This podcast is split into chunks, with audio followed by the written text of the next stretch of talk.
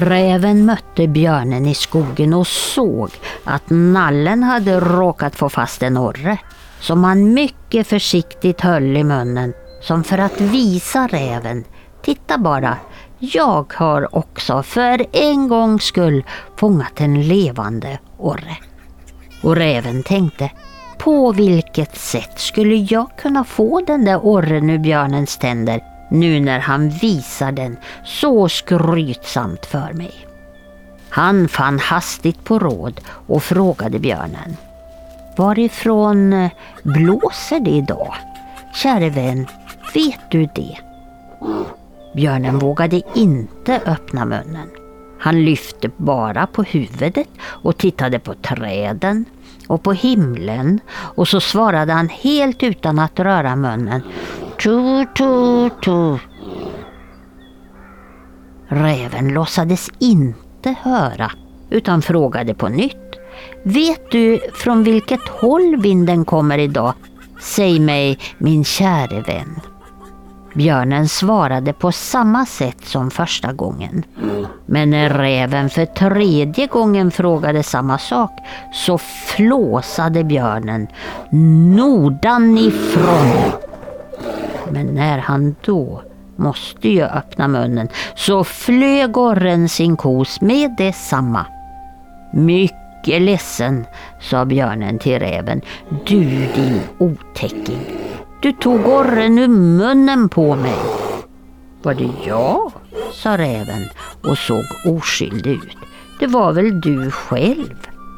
Om jag hade varit i ditt ställe, sa räven, och någon hade frågat mig om vinden, då skulle jag ha blåst svaret mellan tänderna och sagt att vinden var östanifrån.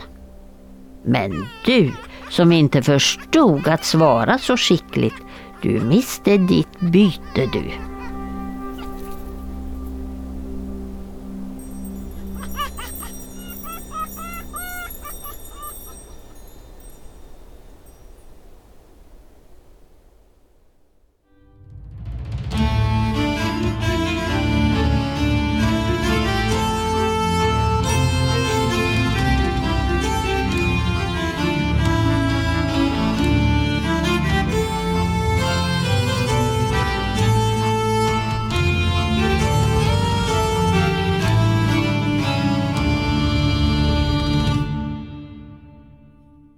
Hej och välkommen till den här härliga podcasten När man talar om trollen.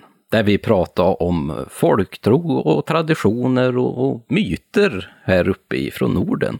Och det är ju som vanligt med mig Lars Wahlström ifrån Oknytt och så min eh, kunnige kumpan Tommy Kosela. Och du är ju doktor i religionshistoria så att eh, du har ju liksom den perfekta kunskapen som vanligt, hoppas jag, även denna gång. ja, hej på dig Lars. Ja, det, det får vi se. Ja, ja, men jag tror att det kommer att bli väldigt, väldigt bra, precis som vanligt. Och den här podcasten släpper ju vi ett avsnitt varje månad, som, som många av er redan vet. Men sen släpper vi också en hel del avsnitt på vår Patreon-sida, som man kan gå med och vara medlem. Och där har vi ju nu två stycken väldigt spännande serier som vi håller på med. Vi släpper ju lite allt möjligt bonusmaterial där, mycket när det är kring högtider till exempel, så pratar vi lite grann om trosföreställningar och de specifika högtiderna då. Men sen har vi ju de här två nya, eller i alla fall en en ny av de här eh, serierna, där vi pratar om fornnordisk mytologi, som vi har ganska många avsnitt vid det här laget. Och sen den här sprillans nya serien hela världens folktro. Och där har vi gått ut med ett väldigt spännande avsnitt tycker jag. Det är ju den här gråterskan va?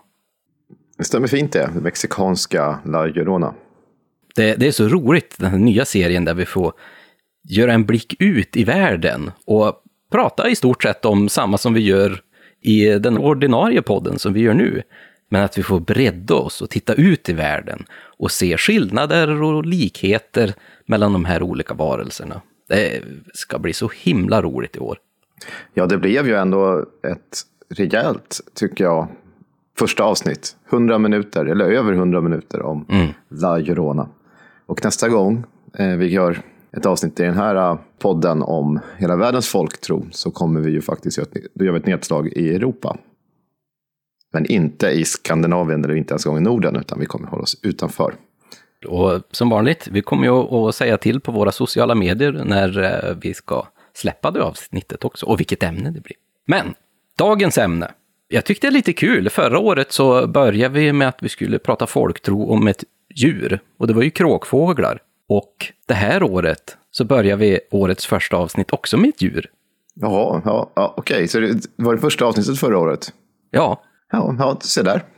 Passar ju Så bra. att, eh, det, är, det är jädrigt kul det här. Och då kan man ju fråga sig, jag tror att varken du eller jag kan benämnas som att vi är sluga som rävar, riktigt. I alla fall inte jag. Eh, Trög som en flodhäst, möj, möjligtvis. Men naturligtvis så ska vi ju prata om räven i myt och folktro. Jag tror att många av oss har ganska starka känslor kring just räven. I det här avsnittet så kanske vi främst kommer att prata om just den klassiska rödräven som vi har så många av här i Skandinavien och främst här i Sverige också. Men just räven finns ju i stort sett på alla kontinenter, förutom jag tror det är typ Antarktis eller något sånt där.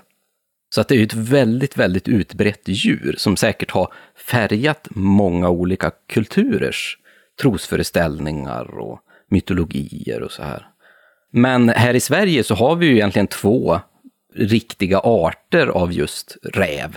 Och det, det är lite svårt det där också för att räv, det har jag aldrig tänkt på, men det är inte en riktig, ett riktigt släkte eller en riktig art. Utan det är nästan mer som en benämning av många olika typer av små hunddjur. Eh, väldigt små hunddjur. Som är, är då liksom släkt med vargar och hundar då. Men här i Sverige så har vi ju rödräven och fjällräven och det är ju väldigt, väldigt kul. Vi vet ju båda hur de ser ut. Men jag har tänkt på en liten sak. Det finns några lite skojiga grejer ändå med räven. Som kanske inte har så mycket med just eh, trosföreställningar som vi ska prata om idag och, och folktro. Men alltså räven är ju väldigt rolig. Den ser ju ut som en hund, men den beter sig ju inte riktigt som en hund tycker jag. Nej, det gör det inte. Nej. Och det märks ju lite grann också, för även om den är släkt med hundar och vargar så är den ju inte egentligen ett flockdjur. Utan det är ju oftast ett ensam djur. När de har ungar och så här så kan de samlas tillsammans i gryt och sådär. Men annars är det ju ett väldigt ensamt djur. Precis som katter. För att den har ganska många olika likheter med just katten. Av någon konstig anledning liksom. Den är ju ett nattdjur. Den har ju faktiskt kattlika ögon. Det har ju inte hundar och vargar. Så att de liksom nyper ihop så här så att de blir som ett streck bara. Och de liksom jagar ju på ett helt annat sätt. De smyger ju så hoppar de på sitt byte. Det är ju någonting som också katter är väldigt vanliga med att göra. Och så navigerar de ju också väldigt mycket med just morrhåren, vilket inte hundar och vargar gör i samma utsträckning. Liksom. Och jag, jag har faktiskt hört en sån där grej som är, är lite kul, för du har ju sett kanske när rävar leker och beter sig och så här. Och jag fick en ganska bra liknelse en gång och det var att räven är ett djur med en hunds hårdvara, men med en katts mjukvara. Ja, Okej, ja, det, det, Den, den, den ser ut som en bra. hund, men den, den beter sig som en katt. Lite grann. det är ju lite intressant. Alltså själva också ordet räv. Mm. Som vi har här eh, i Sverige då såklart. Men det är ju ett, ett rent nordiskt namn för det här djuret. Jaha, För I fornnordiskt heter det räfr. Alltså det, det är ju, i de flesta de nord, skandinaviska språken så har vi ju, då är det ju räv. Men det är ju inte, om man tittar bara på det språket som de flesta kan, engelskan fox, det finns ingen som helst eh, etymologiskt samband där riktigt. Eller det finns inget. Eh, på latin är det ju vulpes vulpes man pratar om, om räven. Så det är intressant. Jag vet att det tidiga bibelöversättningar som kom också. Det, det finns ju ett djur som ibland översattes till eh, räv.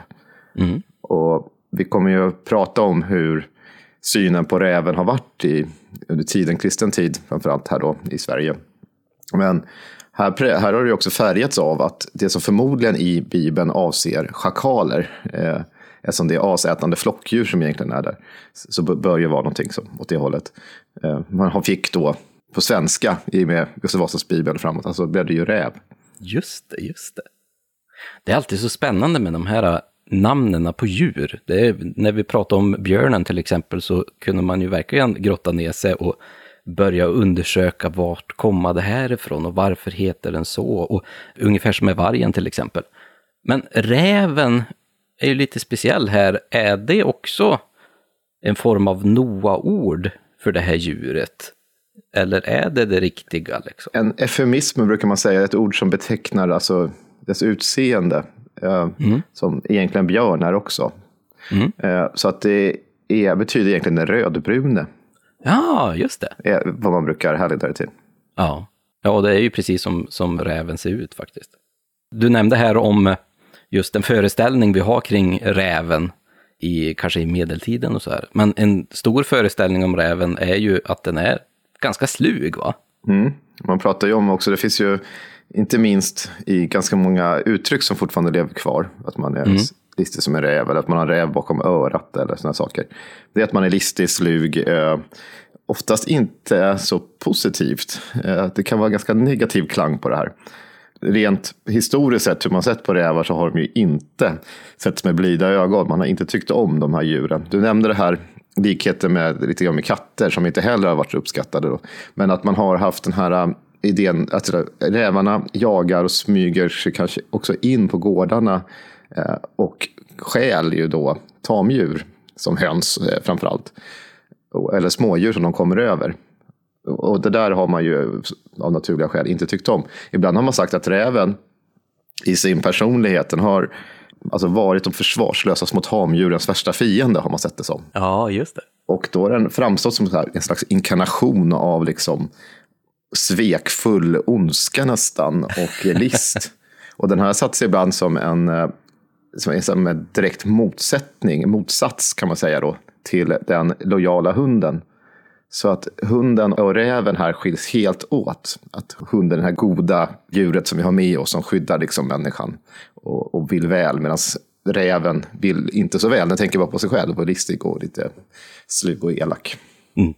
Det, det, är ju någonting som vi även fick höra ett exempel på här i introtexten också, när räven liksom lurar björnen mm. på den här orren.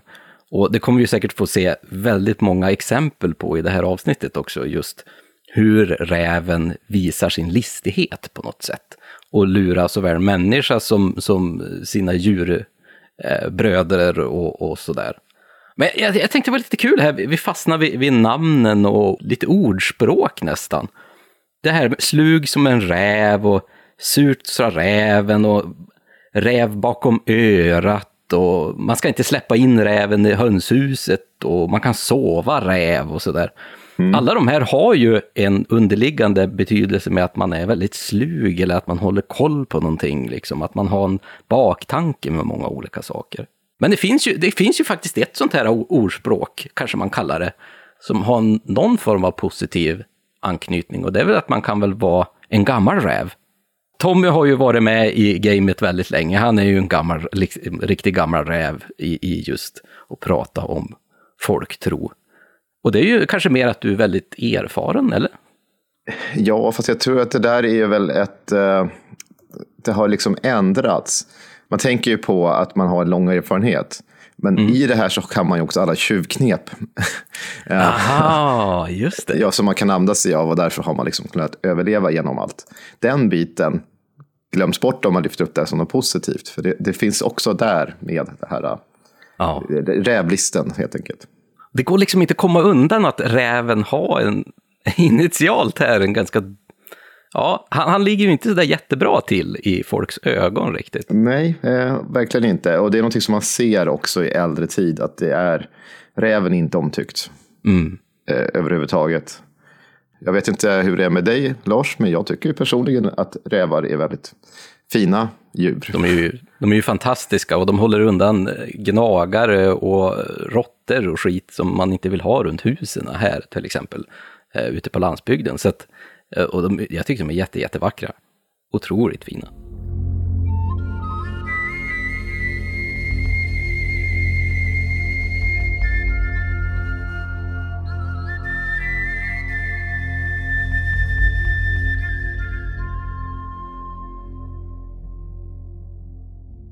Det är lite intressant för att jag tänker så här att när man ska prata om rävar så Mm.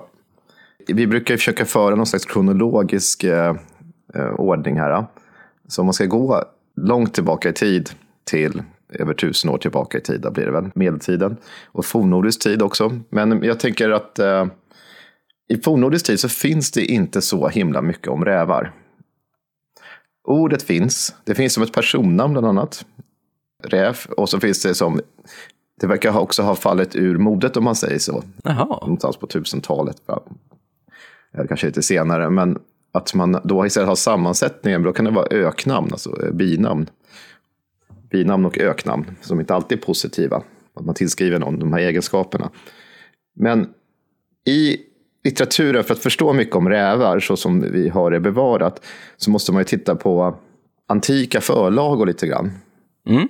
För under antiken så skrevs det en hel del såna här bestiarier eller liknande, alltså böcker som beskriver djurvärlden, oftast med en viss sensmoral i. Då. Och ett par av de här senare, eller många av dem, när kyrkan kom in så utvecklades de där vidare och fick en kristen innebörd. Så de blev didaktiska. Så vissa djur fick viss symbolik. Och räven här har inte haft en positiv symbolik. Nej. Och det, har- det, det, har, det har liksom levt vidare.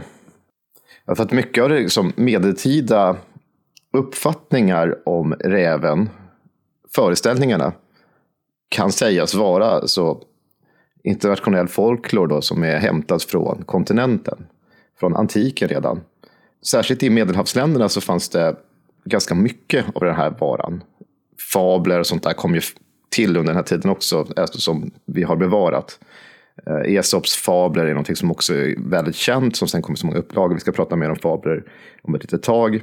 Men i de här så fanns det en del idéer om rävar.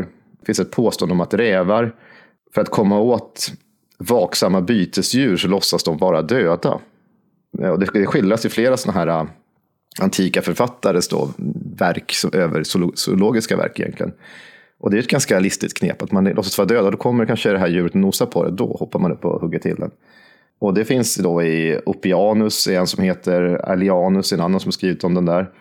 Tidiga sådana här fysiologer som en slags förebild till de här bestiarierna. Och en del så här, eh, man säga, kyrkofäder som också har tagit upp det här under antiken. Och så finns det andra sådana här idéer om att rävarna har alltså någonting emot igelkottar. Okej. Och då, ja, Ja, vad har de för beef jag, jag inte att allting behöver vara helt logiskt här, men eh, det sägs att de tvingar igelkottarna att blotta sin... För igelkottarna är ju svåra att komma åt om man ska äta upp dem då, om man är en räv. Men är man listig som en räv så kan man tvinga dem att blotta sin, sin liksom mer sårbara buk. Där inte taggarna är.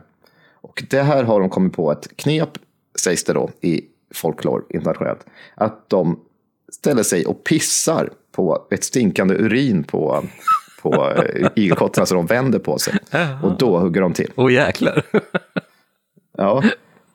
Och sen så finns det också beskrivet i, hos en del greker hur rävar kan pröva hur stark isen är. Och det här kan de göra genom att de lyssnar om det rinner vatten här un- under isen eller inte. Då kan de avgöra hur tjock isen är. Jaha. Det där hängde faktiskt kvar en, en eh, ganska lång tid framåt innan det började ifrågasättas om rävarna verkligen gjorde så. Men, men alltså, om man tänker efter, för det behöver ju inte direkt vara just vid isen, men någonting som räven gör när den jagar eh, gnagare på vintern, det är ju faktiskt att den går ju och lyssnar. Så den vrider ju liksom huvudet och öronen och liksom lyssnar och hör om det finns någon gnagare som springer runt där under snön. Och det är ju ett beteende som man absolut skulle kunna tänka sig att ja, men han går och lyssnar då när han är ute på isen och liksom. Ja, men då har de här tidigare tolkat som att de lyssnar på om isen bär eller inte. Exakt, exakt. Ja, så att, så att- Jag, jag kan förstå en viss del i det där, men ja, man vet ju aldrig. Sen har ju eh, rävarna ganska yviga stora svansar. Mm. Och det här har man också tänkt sig att räven har använt sig av den här svansen för att leda bort, förvilla förföljande hundar, för de var ju jagade tidigt av hundar också. Man jagade räv med hund. Och sen använde de också sin, sin svans för att fånga fisk. Ja, jo men det har vi ju hört på ett exempel tror jag, när vi pratade om, jo men det var folktro om björnen tror jag. Han hade i alla fall ett tips på att det var så han gjorde när han, han eh, fiskade eh, ute på isen. Men sen vet vi ju inte riktigt, för räven är ju som sagt väldigt slug och man kanske inte ska lita riktigt på allt han säger heller. Ja, precis. Och det finns ju många, många fler sådana här exempel. Det är någonting som jag tycker är väldigt roligt som faktiskt finns avbildat som ett sånt här snitt i Olaus Magnus. Ha, fick jag äntligen säga honom. Som vi har väntat ett helt år känns ja, det som. Olaus Magnus hade stor stenkoll på de här antika källorna också. Mm. Men det, fin det, finns en gammal föreställning om räven. Att eh, det kommer mycket loppor på dem. Mm. Och vad de gör då, att de låter lopporna samlas på hötappar som de bär i munnen. Och så kryper de baklänges ner i vattnet med det här. Och eh, ja, dränker lopporna helt enkelt, så blir de av med alla loppor. Jaha, ja, det var ju kanske ganska fiffigt. Eh, Men som sagt, räven har ju också huvudroll i den här som jag sa, Aesopos eh, fabler. Mm. Som forngrekiska djurfabler egentligen. Och det är ju berättelser där djuren står i centrum, som oftast en sensmoral också. Då. Och de här nådde ganska vidsträckt eh, spridning över hela Europa under medeltiden. Även om de har antika då förlager. Aesopos är ju kanske det kändaste, men den, den liksom utvecklades, togs vidare och citerades om och om, om igen långt fram i tid. Och här har vi räven i flera av de här berättelserna. Ja, och som du sa här i början så är ju räven ett, ett djur som finns över större delen av världen. Och här i norra Europa så finns den ju överallt, men har inte för tidig tid funnits då på öar. Men den har tagits ut och det visar sig att den spontant ändå har förekommit på Nordatlantens eh, då isolerade öar. Eftersom jag, jag själv är ju en Islandsvän som har varit många gånger på Island och det största vilt levande djuret där, förutom människan, är ju räven. Men tidigt så fanns det ändå ingen, verkar det som, vad jag läst mig till här, mm. fanns det inte räv där heller. Men det verkar ha spontant tagits med av människor från Skandinavien. Och det här vet vi om på grund av att det finns lagbestämmelser mot detta i en, text som heter Gragaus, alltså grågåsar. Det är, det är en samling medeltida lagtexter.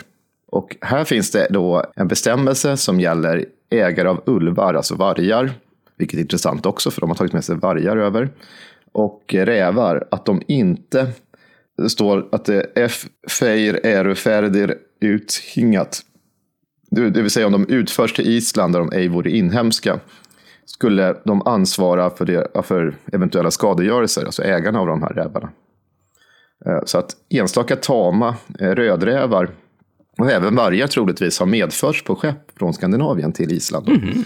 Så att hur nu det där hänger ihop, det är ju rödräv då, det är ju inte samma som fjällräven. Så att hur den har kommit dit, det vet jag faktiskt inte. Men det, det är ju kanske inte så märkligt heller, för att räven har ju, i, i vargen också, deras päls har ju varit väldigt attraktiv i just kläder och, och så här. Så att jag kan ju förstå varför man tog med sig det härifrån då. Och det är intressant, för där har vi en del bestämmelser.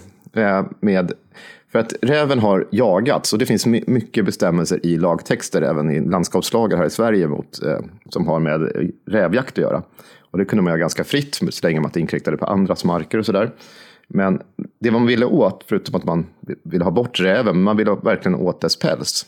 Det finns exempelvis en skrivelse från Arboga från 1496. Oj. Där rödrävsskinn värderas till tre öre. Alltså det tas ju upp och också ingår i en markegångstaxa från 1523. Alltså att man ens tar upp det betyder att den har ett, ett avsevärt värde. Då. Och det, det senare så är det likställt, är det beskrivet som med, med en kohud eller med fem vitskinn, alltså fem hermelinskinn. Så det, är, det är en hel del ändå. Det finns också beskrivelser av en person, eh, en finsk man, som hängdes i Stockholm 1498 för att han har stulit sex stycken rävskinn. Oj då. Ja, det är hårda bud här. Och man använde rävskinn till eh, pälsfoder i rockar och kjortlar. Och också hade man dem i kragarna. Särskilt eh, vackert pälsverk gav alltså det täta skinnet på djurens ben. Men det som var absolut mest eftertraktat var svart räv. Och det är ju såklart väldigt ovanligt. Det finns exempelvis ett, ett exempel på värdet i sådana här svarträvsskinn. I beskrivningar av sådana gamla så har de ett ganska väldigt högt värde, alltså kostnadsvärde. Vi kan ta exempelvis Gustav den första, alltså Gustav Vasa. Han hade 1536 hört talas om svarträvsskinn. Och eh, han begärde att följande år få ett sånt tillsänt till sig eh, mot betalning. Mm. I förteckningen över hans klädkammare från 1548 så fanns det bland 29 förtecknade skinnplagg bara ett enda svarträvsskinn. Oj, jädrar. Ja, då var det ju väldigt, väldigt sällsynt. Ja, och det är ändå någonting som han då har velat ha, ut, uttryckligen i en skrivelse. Och det verkar som att under 1500-talet så, så höjdes priset på de här svarträvsskinnen ytterligare. Så att, eh, ett, ett exempel finns i, från Norge, i Bergen. Eh, så skulle man 1588 betala 12 daler eller mera för ett sånt här svarträvsskinn. Vilket då kan jämföras med att för ett loskinn så betalades det några år innan då 7,5 daler. Så det är mycket mer än ett loskinn.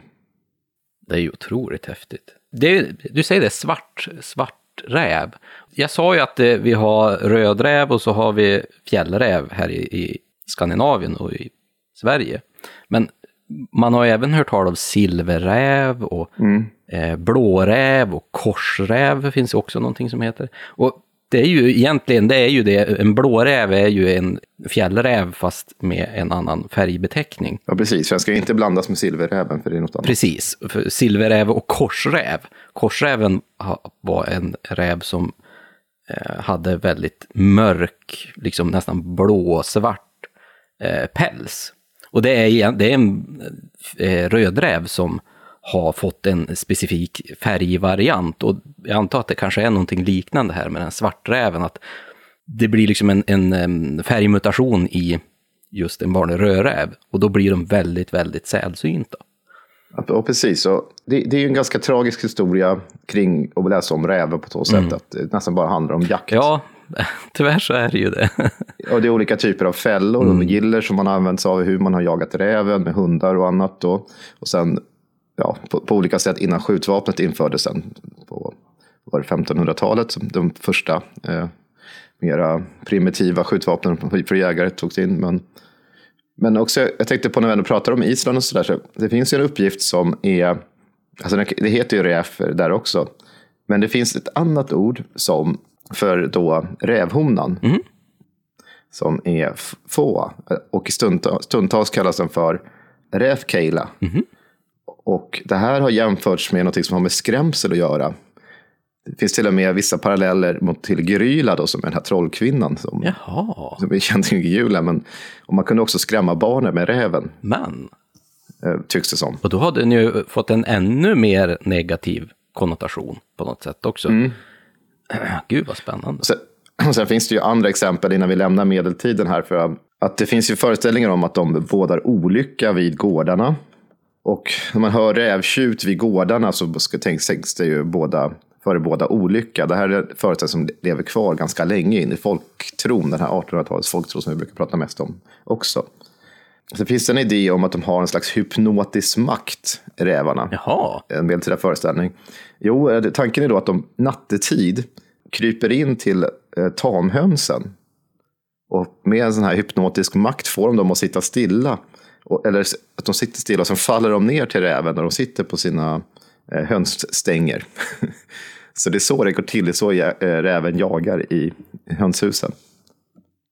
Och sen har man ju också använt mycket, förutom att man använt pälsen då på räven, så har man ju också på kontinenten använt sig av eh, räven även i folkmedicinen.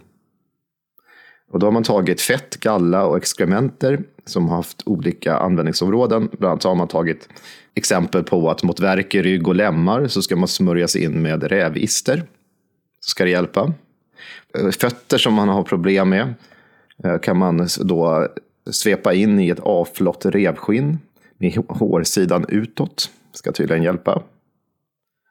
Eh, Ögoninflammation ska behandlas med rävister. Eller med honungsblandad rävgalla.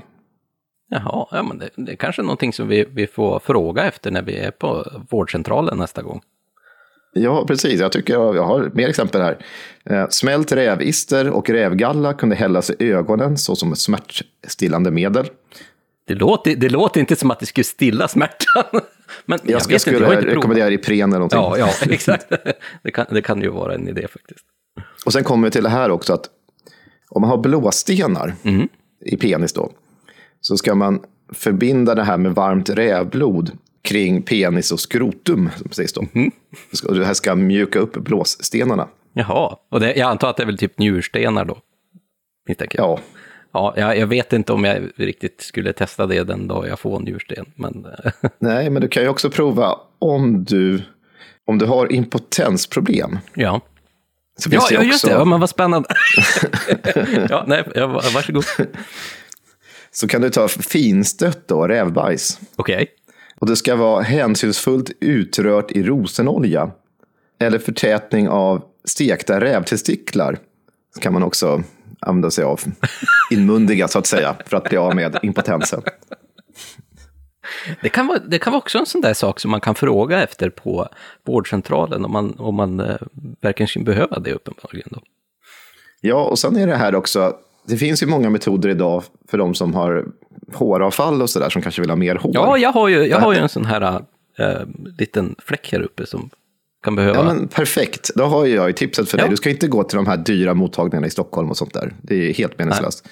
Nej, det finns ett helt annat sätt eh, som finns i en gammal läsebok, en gammal eh, dansk läsebok. Från, det här är från 1800-talet, är den tryckt då. Men det bygger på äldre recept så att säga. Man kan ta aska av ett bränt rävhuvud, sju den i olja. Det här ska då eh, befrämja hårväxt. Jaha, men, spännande. Så jag antar att du stryker på det här på. Ja, exakt. Jag, jag får försöka leta reda på en, en rävskalle någonstans då. eh, Och försöka... Ja, och ska sjuda i olja också. det är viktigt. ja, där, ja, ja. Jag hoppas det går med vilken olja som helst då. Eh, Ja, nej, men spännande. Det, Det står faktiskt inte uttryckligen vilken olja. Det, det, det kan ju vara ett problem. Så att, Ja, de, de verkar oftast lite sådär, inte direkt precisa de här gamla recepterna på de här huskurerna tycker jag. nej, det är lite, lite tråkigt det där.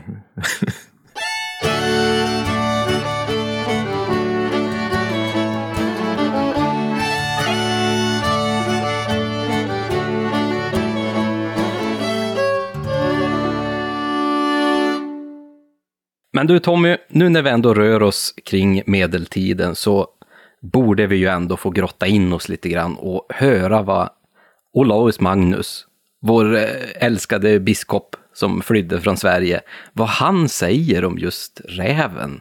Den här spränglärda giganten. Ja, alltså, verkligen. otroligt. Han, han har ju alltid så fantastiska förklaringar på hur faktiskt vi har betett oss eh, här uppe i Norden. Mm, och minns nu ni som lyssnar nu, för att ni har säkert hört oss nämna Olaus Magnus både en och hundra gånger förut.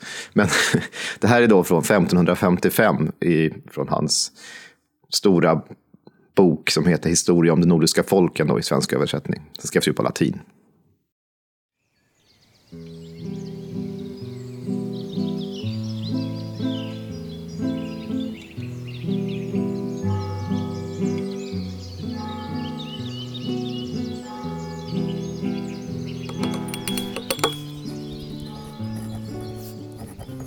Att rävar liksom harar förekommer i de nordiska länderna i en ofantlig mängd och i växlande färger, det är allmänt känt.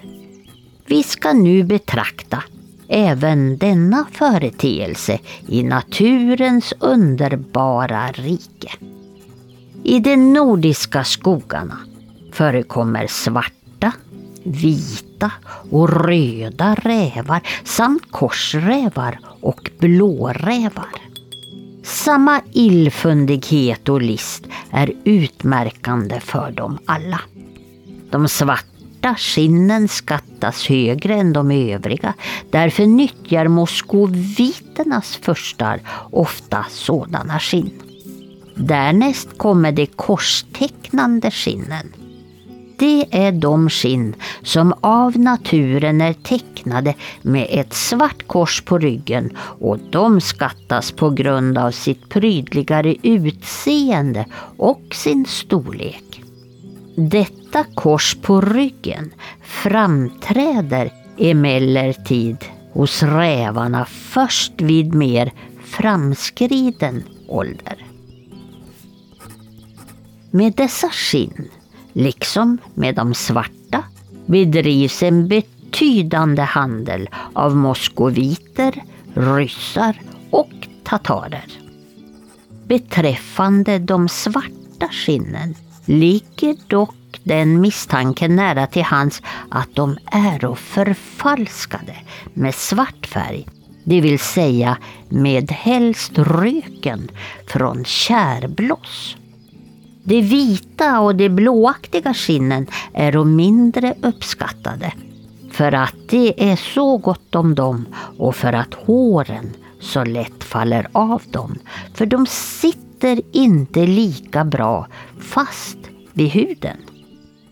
Av nyhetsbegär eller för gagnets skull pläga emellertid somliga av olika sorters skinn förfärdigas tecken avsedda att skydda de sovande mot kölden.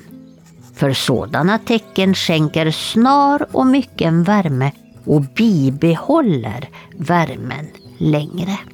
De är också lätta och lämpar sig särskilt för gammalt folk. De röda rävarna, de är vanligare än alla de andra och förekommer överallt. Men eh, de blir ett lätt byte för en förslagen jägare med snabba hundar tack vare de spår som de lämnar efter sig i snön. Genom sina spår förråder sig även harar, björnar, hjortar, vargar och lodjur för jägarna. Men eh, på somrarna, då måste hundarna vädra upp dem.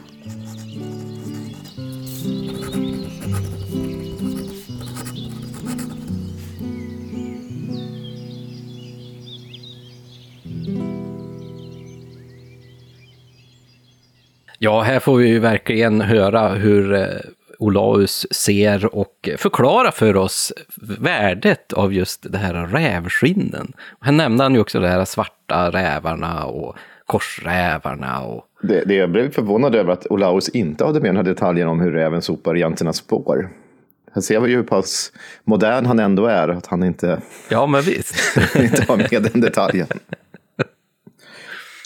Men det är ju rätt intressant här också med, kring Olaus att han, han, han pratar inte så mycket heller om just rävens leverne i allmänhet. Ofta brukar han ju ta upp lite grann kring hur just de olika djuren beter sig, hur fåglarna spenderar tiden på vintern till exempel och sådär. Men räven är väldigt tydligt en, en handelsvara, mycket. Ja, sen är det lite grann så, nu är det den delen som handlar just när han går igenom olika djur. Och visst brukar han ju ta upp sånt där äh, föreställningar då. Men han har ju, en del hos Olaus finns på de här träsnitten som är med. Som jag sa att det var det här med hur räven drar ner lopporna i vattnet. Eh, går in baklänges så har de på den här hötappen som de, de drar ner. Först får de lopporna gå dit och sen drar de ner och dränker dem. Det finns ju faktiskt avbildat hos Olaus. Ja, just det, det gör det nog. Men det finns också en läkarbok från 1500-talet i Småland som är samtida då med Olaus. ja, jag, ska, jag sitter här och nu är jag helt fascinerad av eh, folkmedicin. Men det är jättebra, vi kanske får några bra huskurer här som vi kanske... Ja, jag skulle inte rekommendera det här och framförallt inte från stackars rävarna. Nej, nej, nej. Men, men här är, är det småländsk eh, läkarbok då från 1500-talet och då står det att man ska äta rävhjärta mot fallande eh, sot. Jaha, får se, fallande sot, är väl typ epilepsi eller något sånt där va? Ja, det är epilepsi typ. Och då står det så här äh, på dåtidens svenska. Giver man barn om hjärnan utav raufen i deras mat, ha aldrig den sot. Eh, Ja, Men just det. hjärtan ska det väl stå, alltså hjärnan här, men ja, avskrivet fel, det ska vara hjärtat. Men det, det är väl väldigt vanligt det här att man ska använda många olika typer av djurdelar, om man kanske ska säga så, just i folkmedicinen. eh, På det här sättet. Jo visst, och det är ju inte någonting som är, på, är, på, är borta. En del kan ju ibland ondgöra sig över kanske kinesisk eh, medicin. Att man använder sig av djurdelar. Och det har förekommit sånt här också. Nej, det, det är, man kan ha mycket å, å, tankar kring just eh, folkmedicinen på det här sättet. Det, det är ju aldrig roligt att eh, djuren ska behöva drabbas av våra åkommor direkt. Nej, verkligen inte. för övrigt så finns det ju annat sätt man kan säga. Och så går jag in på nästa eh, Ja, hemskhet här med räv. Du verkar väldigt fascinerad av just de här huskurerna. Jag känner så här, förr eller senare ska vi väl ändå göra ett avsnitt om eh, folkmedicin. Ja, jo, jag läste en, en väldigt eh, trevlig bok av, jag tror att det var Tillhagen, tror jag, eh, idag eh, om just eh, folkmedicin och eh, sjukdomsvård. Och åh, det finns ju så mycket. Eh, det finns så mycket. Och jag kan säga det att redan nu att allt är inte verkningslöst. Det finns faktiskt saker som fun- har, sägs ha fungerat och f- fungerar. Allting är ju inte, nu tar man, plockar man gärna fram de här konstigaste sakerna när man pratar om sånt här, för det är ju roligast att berätta om. Men en hel del är ju ganska rimliga kan man säga, mediciner som man har gett. Och idag så är det också ganska vanligt om man har ont i halsen att man dricker whisky eller någonting och det går helt i spår med att dricka brännvin förr i tiden när man botade det mesta. Men det sägs så här att en som heter Olof Broman som skrev en bok som heter Grisisvallur som handlar om framförallt Hälsingland. Då då. Han ber- berättar att man framställde rävsmörjelse för medicinskt bruk genom att koka en hel rävkropp. Och så står det också att man kan röka sig med rävhår, vilket var bra mot hund och hästbett. Okej. Liksom motsvarigheten till att man får en stelkrampsspruta idag kanske. Ja, alltså har man, eh, röker man sig med, eh, med räv istället, rävhår. Och det är också bra mot inflammerade sår då, vilket ju faller ihop med det här. Så ja, det, det är några exempel, det finns många, många fler. Eh, Man till exempel har rävister har ordinerats i Västergötland eh, mot kikhosta. Och det kunde köpas till och med på apotek. Nej. kan ju vara bra att veta. Ibland när man pratar om sånt här så känner folk att det där var jättekonstigt och det är på landsbygden och så. Men mycket, inte mycket, men en del av det här fanns också att tillgå på, på apoteken. Ja, men du, Tommy, när vi ändå pratar här så mycket om folkmedicin och bota mot sjukdomar och så här, vi kanske ska lyssna på en text här som handlar just om en, ja, en sjuk räv. Han kanske inte är så sjuk som vi faktiskt tror, men eh, vi, vi får väl eh, lyssna och höra här på när Eva berättar om den låtsassjuka räven.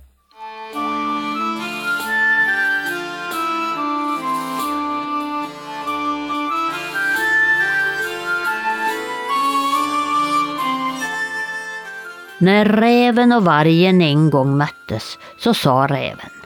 Jag är så sjuker så du får lov att bära mig en bit. Nej, jag är sjuker själv, sa vargen. Då sa räven. Du får allt lov att bära mig i alla fall. Och hur det nu var så fick han krypa upp på vargens rygg. Men där låg han bara och tralla och sjöng. Den sjuke bär den friska, den sjuke bär den friska. Men det förstod inte vargen.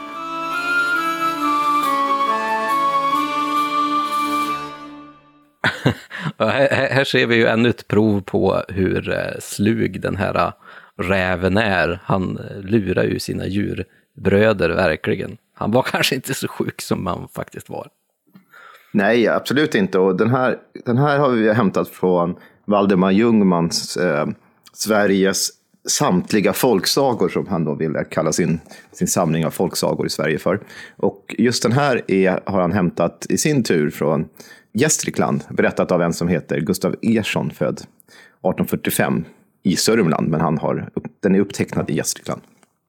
Det verkar ju verkligen vara så här att räven är det här väldigt sluga djuret som lurar sig fram genom livet på något sätt. Och det är väl kanske främst i sagorna som han förekommer där och berättas om på det här sättet. Här är ju väldigt tydligt att det är två djur som pratar med varann. Eh, nästan som en fabel, men att han har det här sluga, lite smarta beteendet. Det går verkligen inte att lita på honom. Nej, alltså räven är, det är liksom personifikationen av list. Eh, Den tar till alla knep. Den är ju sluga här med vargen som då är lite enfaldig och inte förstår att den blir lurad av räven och så ligger den till och med och sjunger på vargens rygg. Det är ju också sådana här typiskt för den här djursagorna då. Men eh, om rävens list, det är som sagt, det är ju gammalt som jag inledningsvis sa här. Det finns exempelvis eh, skrivet på svenska från 1611 av Sigfrid Aron Forsius skriver så här. Räven är ett klokt och listigt djur. Det han menar. Och i- Finland finns det också berättat om att eh, När räven ser en fågel i ett träd så ska han ställa sig på bakbenen. Han tar sin svans i munnen och så dansar han runt trädet tills fågeln blir yr och trillar ner. Det, det påminner lite grann om den här eh, när han är inne i hönsgården och, och sätter hönorna i trans så att de trippar ner. Fast här gör han en lite rolig dans så att han blir alldeles yr i huvudet och faller till backen. Ja. Även Gustav Vasa skriver om rävens list. Jaha, det faktiskt också Det var ju lite om. otippat. Så att, ja, nej, men det här är ju någonting som är så att säga känt då. Att det, är, det är det som utmärker räven i de här. Det är därför räven är så bra att ha med i de här äh, fablerna och djursagorna då. Som handlar om, om djuren, där djuren liksom får... Alltså det är ju sensmoral i de här berättelserna, men att eh, djuret personifierar egenskaper hos människorna egentligen också. Men just räven står för det här listen och oftast på ett ganska negativt sätt. Att den liksom lurar någon med sin list. Den är ju väldigt rolig för många av de här eh, sagorna och fablerna, och vi kommer säkert få höra några varianter här också, det är ju att räven är ju liksom i en negativ position där, att han, han, han är ju den här som verkligen lurar det här andra djuret, om det är en björn eller en varg.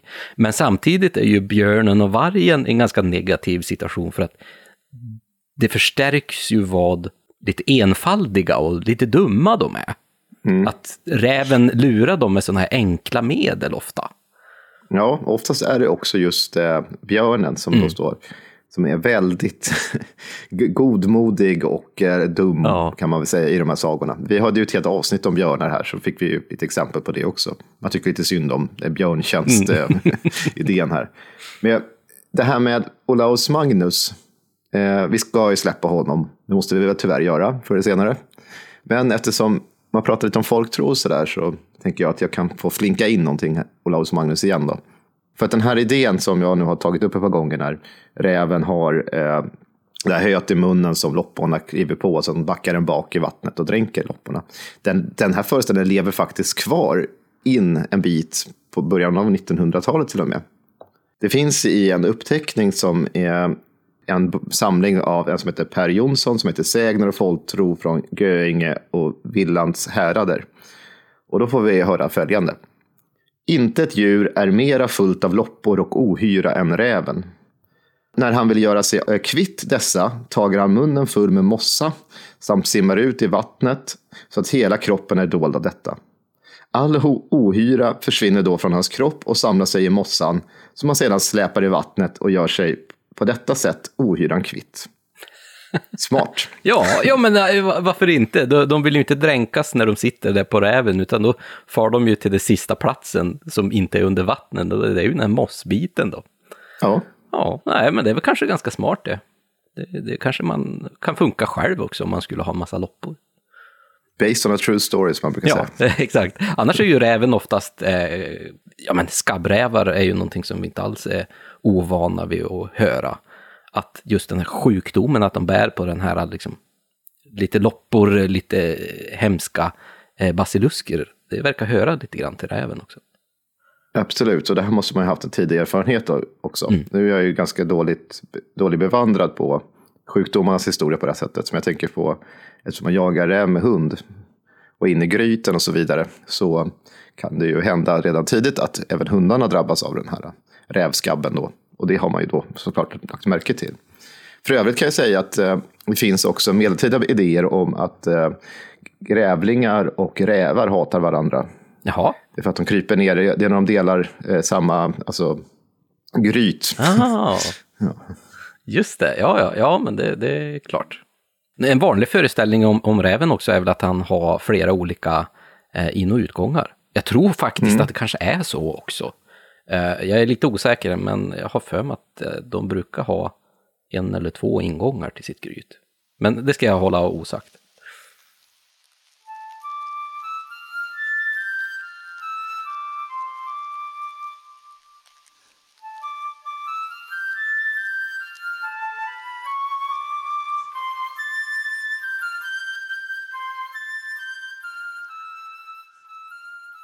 Men det finns väl en väldigt känd saga, kanske man säger, om just eh, räven som kan spåras ända tillbaka till medeltiden också. Den här rävsagan tror jag den heter på svenska. Mm. Precis, och den har ju många eh, varianter på den. Reynard the Fox brukar det väl kanske heta internationellt då. Det är ju en eh, en cykel av berättelser som har cirkulerat i Europa från åtminstone 1100-talet och långt fram i tid.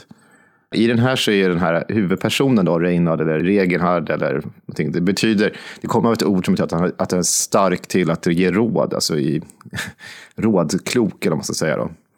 Och den här sagan har, eh, den heter Ysen Grimmus, eh, Roman de Renart, eh, eh, van den Foss Reinerd och Chaucer i England har den funnits. Och det är också en saga som berättar om eh, räven och i den här så är räven just den här personifikationen av en listig karaktär. Och den har ju använts fram i historien i olika berättelser eh, och blivit liksom en sån här, vad ska man säga, en fiktiv karaktär som kan användas på ett olika sätt. Men just om det dyker upp i en film så vet man att eh, då är det ju liksom, då är den listig och, och klok. Liksom.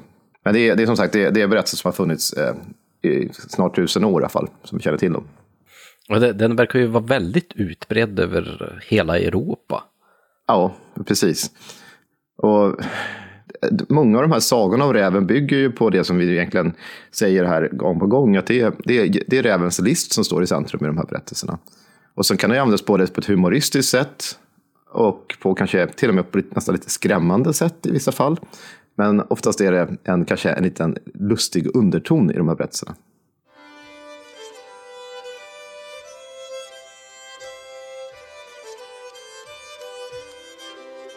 Räven gick under en rönn och såg bären hänga där utan att kunna nå dem.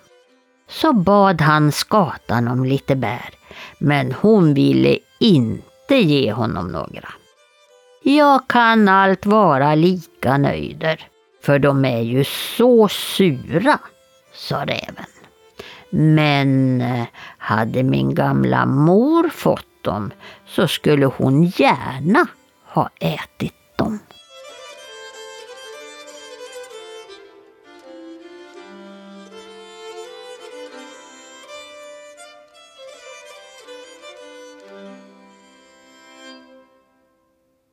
Här hade vi ju en berättelse om eh, den här skatan och räven.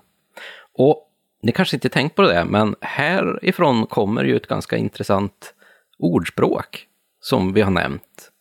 Römber är ju väldigt sura och eh, ett uttryck som vi har är ju att surt sa räven om rönnbären. Men du Tommy, var det verkligen römber vi pratade om just här?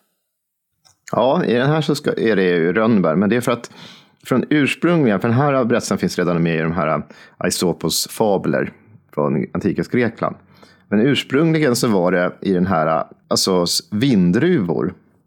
Mm-hmm. Sura druvor som skulle varit. Men i, från 1500-talet så har det då ersatts med de inhemska sura rönnbären istället. Jaha. Vilket är ju mer logiskt här kanske, om man ska tänka sig att djuren... Jag vet inte hur mycket vindrusklasar en räv kan hitta här i, i Sverige. Men, inte om det inte är ett växthus då. Men, nej, ja, nej, det är ju sant. Men rönnbär däremot. Och det här finns ju redan omnämnt eh, från 1300-talet av en isländsk präst. Har också tagit upp den här detaljen. Så att det, är också en gammal, gammal berättelse i, i Norden. Men det är ju ett litet märkligt ordspråk det här, surt sa räven, och så betyder inte så mycket mer. Vi kanske ska förklara egentligen vad själva innebörden av det här ordstäven är egentligen. Jo, men här åter, det finns ju en sensmoral som det gör i de här berättelserna. Så ursprungligen så är det en räv som misslyckas att nå druvor som hänger högt upp på en vinranka. Och sen förklarar han att han inte vill ha druvorna, eftersom de nog säkert inte är mogna, men istället är sura. Och det här är då en sensmoral som menar på att eh, det är lätt att ringakta någonting man inte kan få. Att om man misslyckas med något så bortförklarar man alltså sitt tidigare engagemang. Mm. Eh, så att det, det, är det räven gör här, att han inte har det. Eh, bara för att, eh, ja, då är det surt istället. Ja, så, så, så liksom om, om vi kommer att dra över tiden så att det blir väldigt sent ikväll, så på grund av att Tommy var så sent till att logga in, så då kan vi säga att, ja men surt sa räven. Ja, men det intressanta med det här, för det är ju ett liksom, ett ordspråk vi har, där, surt sa rä- sa räven om rönnbären eller bara surt sa räven.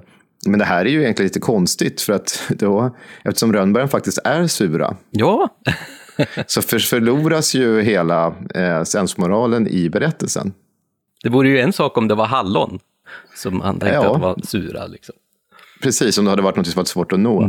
Men det här tydligen med det här med rönnbären finns bara, mig veterligen, att det finns i Sverige och jag tror det finns också i Finland. Jag tror inte att det är, kanske i Norge också, men Sverige och Finland vet, eh, finns det i alla fall i. Just det. Jag kom att tänka på en sak där när du sa Finland. För det finns ju även en del föreställningar om räven i Finland har jag läst. Och där var det någonting som jag läste att det var kopplat till norrskenet.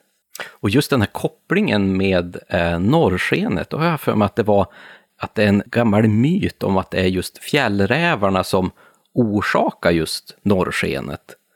Att det är då de här eldrävar, som man kallar det, som springer så snabbt över himlen att deras stora liksom, svansar svep över topparna och skapar gnister som sen slår upp i himlen. Så att det blir det här norrskenet. Och det här finska ordet för norrsken tror jag faktiskt betyder eldräv, har jag för mig. Det finns ju såklart mycket om rävar i samisk folklore också, som ju spänner över eh, Sverige, Finland Norge. Då. Eh, men det har jag inte heller hunnit kolla upp inför det här. Men däremot när vi pratar om Finland så vet jag att räven även där är en symbol för alltså, bedräglighet och ondska och list. Används på sånt sätt också. Det finns kalkmålningar i Lojo kyrka från 1500, början av 1500-talet. Den ligger i Nyland då. Som visar också på eh, synden har vunnit insteg i paradiset. Där räven som har gripit en fågel kommer med bud här om detta. Och räven har också använts i en del kyrkmålningar här i Sverige. En del kalkmålningar då. Det är också negativa bilder. Att räven får stå som en symbol för, nästan som en, en anhang till djävulen på sätt och vis. Han avbildas bland annat med eh, tamgås i gapet i Floda i Sörmland och Härkeberga i Uppland och Kumla och Dingtuna i Västmanland. Och så att du kommer på överrumplar en godtrogen hare i Vale i Uppland och i en annan kyrka i Sala i Västmanland. Och de här då eh, ska vara, fungera som erinringar för, för de som sitter i kyrkan då, eh, om onda makters bedrägliga anslag mot de stackars människorna. Så man ska hela tiden vara på sin vakt. I, bland annat i Ottestrup eh, och Tensta och Kungshusby i Uppland finns det bilder på hur överhetspersoner framställs och till och med präster är som, som eh, rävar. Som straffas eh, för sina skurksträck som hängs i en galge. Runt det står, då, står det en skara med vita gäss som är rättsinniga då, enligt de här uttolkningarna. Men det är ju medeltida, äldre sådana här Ja. bilder. Ja, men det verkar verkligen där som att när man avbildar en dålig människa eller att ett, ett dåligt väsen eller en dålig händelse, det är inte direkt så att man tar en björn eller en varg eller en igelkott eller något sånt där. Det blir verkligen räven som hela tiden får stå för den här dåliga sidan hos människan på något sätt. Stack, stackars räven. Ja, vargen är ju inte heller särskilt omtyckt Nej. däremot. Men eh, det, det, det är också ett sånt här djur som vi, vi kommer ju göra ett långt avsnitt om. Om vargen kommer ju bli ett längre avsnitt. Det finns så väldigt mycket om vargar att berätta om. Men nu pratar vi om rävar. Jag- Medan vi satt här så plockade jag fram eh, en bok som samling. Och det här är lite, lite med flit som jag tog i den här boken. Det är en samling med svenska skrock och signerier. Samlade av Leonard Fredrik Räf. ja, du ser. Du ser. Ja. Och det här är då art- tidigt 1800-tal. Och här kan man slå på olika så här uppslagsord. Och så får man liksom läsa lite skrock om detta som man har samlat ihop. Och då slår jag upp på Räf. Bara, bara om han själv då. Nej, om, om djuret nu. Självbiografi, uppenbarligen. Och nu får vi lite folktro om räven då. då.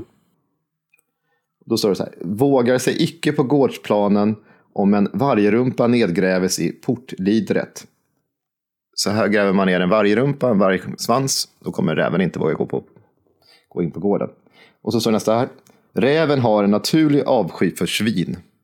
Om man därför vänjer några dylika eller blott en sommargris att på betet åtfölja fåren skola de aldrig angripas av räven. Jaha. Bra knep. Väldigt bra knep. Så ha en liten sommargris som går med era. Ja, Får. eller, eller en väldigt tjock herde. Och i en finsk samling, nu är vi åter på Finland, står det här i hans här, står det. Bästa vittring till rävsax är människokött och ister. Wow! Det var inte väntat. Det, det, det är ju rätt eh, intressant också. Det betyder att eh, man kan offra ganska mycket för att få den här räven uppenbarligen. Ja, ja uppenbarligen. Ja. Så det var, det var egentligen bara de eh, tre punkterna som man tog upp på uppslagsordet räv. Det finns ju uppenbarligen ganska mycket skrock och sägelser liksom om räven. Hur räven får sina byten och hur den lurar sina skogsgrannar och mycket kring, som vi har nämnt också, kring jakten. Hur fånga och jagar man eh, en räv inom traditionen. Och sen är det mycket som annat som bara hör, hör ihop med räven. Det är sånt, det är, man, ska inte ofreda rävens kula, står det på. Finns en uppteckning som säger. Och som att det ska vara negativt, vilket är lite lustigt med tanke på att allting annat handlar om att man ska ofreda rävens kula och jaga räven. Men låter man rovdjuren yngla och ostört föröka sig får man vara i fred för dem på sina ägor, i då tanken. Eh, och det här är upptecknat då av en prost som heter Wallensten på 1780-talet på Lidingö, utanför Stockholm. Räven äter inte det man matar honom med i nedanet, men nog i nyet, alltså månen. Det här är från svenskbygderna i Finland. Och så finns det återigen som passar in på det här som Räf sa. Mot trolldom och onda makter ska man lägga en rävskalle i fähuset. Så det är lite samma, fast här är det rävskallen som ska skrämma bort de onda makterna. Då. Och från Skåne finns det följande. Bär man på sin kropp tungan av en räv får man ja till allt vad man begär av sin nästa. Jaså? Smidigt knep. Ja.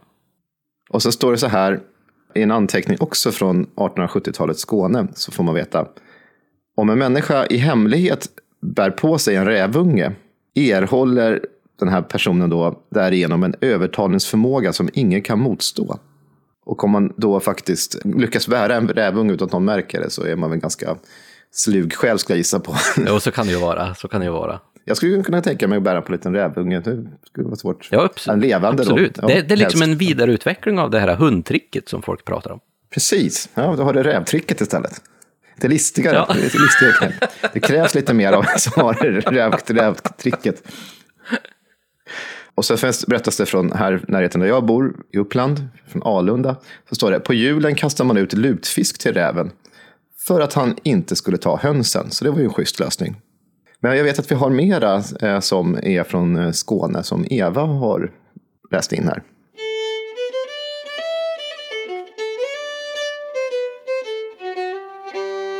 Det hände sig en gång där uppe i Göinge, berättar Eva Wikström, att en som hade skjutit en kull med rävungar och gick och tiggde på dem kom till en bonde som nekade helt att ge något för dem.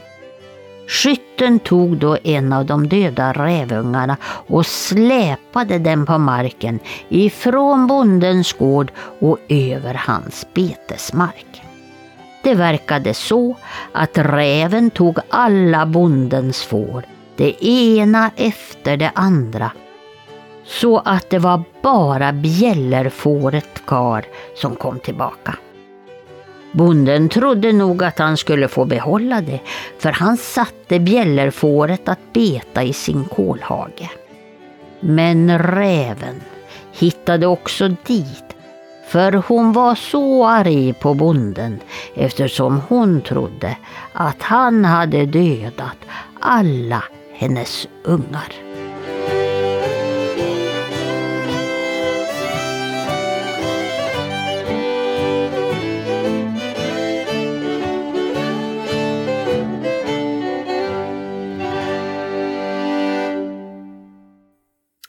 Ja, här får vi ju också höra hur räven än en gång får vara någon slags syndabock eller hamna i, i mänskliga grälet på något sätt. Eh, Jag tycker synd om den här rävmamman som tappar sina eh, små rävungar här. Jag tycker också det. Och sen är det räven annars i själva folkliga föreställningar i folktron. Så är det oftast att den är förebådar olyckor av olika slag. Eh, dess läten kan ibland vara olycksbådande om man hör det. Och så finns det också, du började ju här med att jämföra räven med katten. Från Hälsingland finns det också en beskrivning som man liksom kan nästan se det här framför sig. Så berättas det att om en räv korsar ens väg betyder det otur. Ja, det är ju någonting som svarta katter brukar stå för. Ja. På Åland sägs det att om räven tjuter mellan kyrkan och byn ska två äkta makar skiljas. Oj. Då blir det illa där. På andra håll sa man att om räven visade sig nära gården eller följde egna fotspår skulle ett dödsfall inom, inom kort ske. Och den kunde också vara, ett, man såg räven som ett varsel om eldsvåda. Och det kanske har med den röda färgen då att göra. Och från Jämtland från 1700-talet sägs det att eh, om rävar syns invid hus och gårdar så kommer det alltså stundar storm och nederbörd. Och det där finns också berättat från Sörmland, samma föreställning fast från 1800-talet då. Och jag tänkte här på när du nämnde rävens läte. När man hör rävarna, de brukar ju oftast skälla på kvällar eller på nätter. Och hör man en sån när man ligger och till exempel ska sova på kvällen så är det ett ganska jobbigt ljud. Det blir ett litet hest, nästan barnskrik eller barntjut på något sätt. Så jag förstår att det har den här negativa kopplingen verkligen. Det är så roligt där du ligger och sover, Lars, för det här det tog du upp om, om kossorna också. Det var liksom, alla djuren plågar dig uppe i Björna där du ska sova. Därför jag sover så dåligt, det är för mycket djur. Och det var inte länge sedan du hade råttor eller möss. Eller ja, som precis. Huva. Ja, du ser. Man kan fundera var jag bor någonstans. ja. Och här finns det också lite roligt, för att jag, nu sitter jag och läser från en samling från Västergötland från Claes Olofsson. Har jag framför mig. Eh, och han berättar också, och det här är lite kul för att han pratar om att räven är fyndig och slug. Och nu är vi ju inne på den här antika idén igen om hur om räven och igelkotten. Han skriver så här. För att komma åt den krumslagne igelkotten vänder räven honom på rygg och pissar på honom. Varav igelkotten rätar på sig och varer försvarslös. Det är alltså en antik föreställning han tar upp här. Och du ser att, att den kan leva kvar så otroligt långt bakåt i tiden fram till... För att det är sant. Ja, det uppenbarligen måste ju vara det. Varför skulle jag annars fortsätta? Ja. Sen har vi det här. En annan idé här. Efter det myrorna krypit i vinterhölje gräver han, alltså räven, ett litet hål på sidan av myrstacken, springer sedan och rafsar och lampar runt inpå. Att myrorna vakna och draga sig uppåt. Räven sticker tungan i hålet, fångar myrorna på tungan och äter. Ja, ja, du ser. Han är ju smart. Otroligt smart. Jättesmart. Det finns också en grej med getingbon här. Då ett getingbo ska plundras, alltså av räven, och boet är beläget i jorden, ställer han sig med sin yviga svans över ingången och river och krafsar att getingarna komma ut. Och så re- repar det sig ut i och tömma ut sin ilska över den täta och härvidlag okänsliga svansen. Räven springer då till ett närbeläget vatten, doppar och ruskar svansen och befriar den för getingarna. Och så fortsätter han tills boet är avfolkat, då han gräver till sig detsamma. Jaha, ja men det, det lät ju ganska smart faktiskt. Ja, ja men det, jag, tycker, jag tycker mer och mer om rävar här. Ja men verkligen. Jag, jag, jag tyckte det är lite synd också. Många av de här eh, berättelserna hur han fångar sina byten är ju väldigt tydlig. Men man kan ju faktiskt komma ihåg att räven är ju inte bara ett rovdjur, den är ju ett, en allätare. Så att den äter ju även bär och, och växter. Eh, och lite allt möjligt. Så att, eh, Och lutfisk. och lutfisk, precis. precis. Ja, fick vi höra. Här är den också smart, för när, när räven är på stråt och går- går emot en gård kommer han alltid, precis som vargen då sägs det här i Västergötland, emot vinden. Så att inga hundar kunde, kan vädra den och det är ju smart. Och i djup snö sägs det här bär han svansen högt så att han inte släpar den efter sig. Och inte röjar vad för slags kar som varit ute och gått, står det. Ah, Ja, väldigt smart. Ja, men det finns, finns mycket sådana här små saker som räven biter inte nära boet. Och sen tar han också upp så här att handla med rävskinn betyder bruka knep som jag sa förut. Slug som en räv. Din räv biter inte min gås. Utsvulten som en räv. Alltså det är olika typer av ordspråk här. En räv kan leva utan mat i minst 21 dygn, sägs det också. Om en människa som i sitt uppträdande verkar skyldig och osäker sades att hon såg ut som hon hade ätit upp nådåret för räven. Blir man hes utan att kunna utgrunda orsaken så hade räven sett den utan att man själv sett honom. Och sen Kristi himmelsfärdsafton lockar Rävesa, alltså rävhonan, ut sina ungar ur boet för första gången. Det var också någonting man kunde hålla märke efter. Mm. Så nog finns det lite folktro ändå om rävarna. Vi har ju här en ganska lång text som jag funderar på om vi skulle ta och lyssna på. Och det är en fabel om just räven. Och den här är från en tidningsartikel som är väldigt gammal. Ja. Den är ju ända från 1769. Eh, Men vilken tidning är det den kommer ifrån? Det här är en fabel om räven och lammet som är från Norrköpings veckotidningar och trycktes i november 1769. Ja, men då tycker jag vi nästan ska lyssna på den här då Eva med sin härliga berättarröst.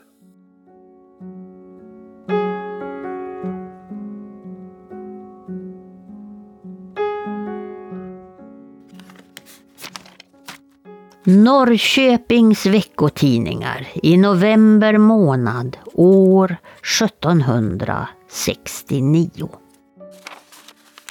Den illvilliga räven såg med den största grämelse hur de flesta djuren i skogens vida rike med behag och nöje ansåg det oskyldiga lammet såsom varande älskligt medan de hyste mer som en avsky för rävens sällskap.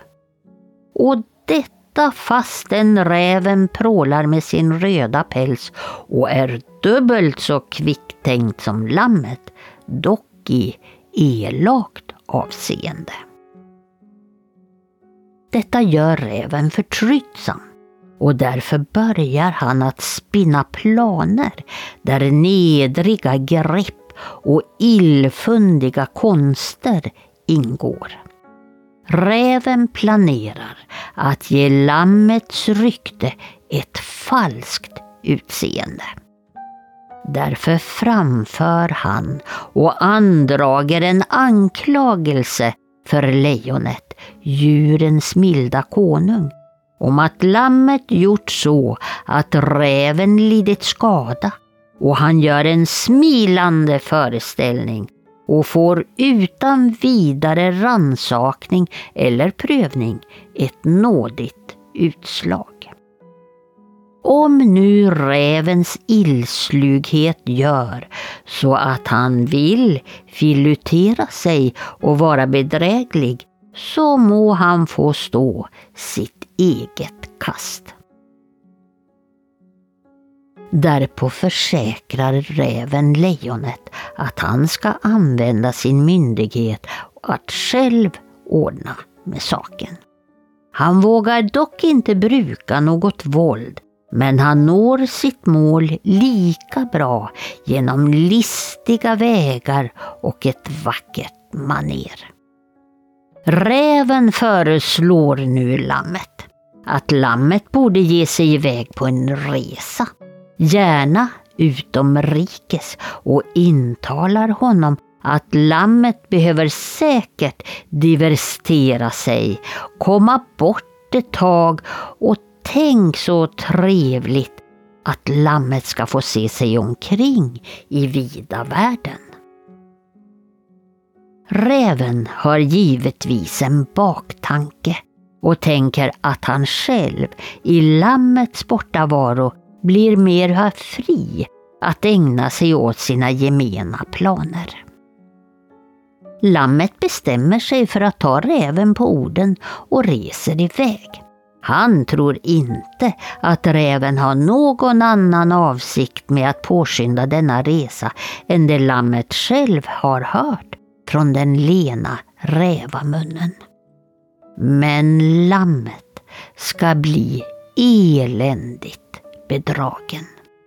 Han får veta vad räven har för sig från säkra källor som förspörjs ryktesvägen ända ner till Nederländerna. Dessa berättelser gör gällande att räven där hemma i fäderneslandet sprider farliga rykten om lammets person. Räven försöker, det värsta som han förmår, svärta ner lammets personliga karaktär inför alla djurrikets invånare.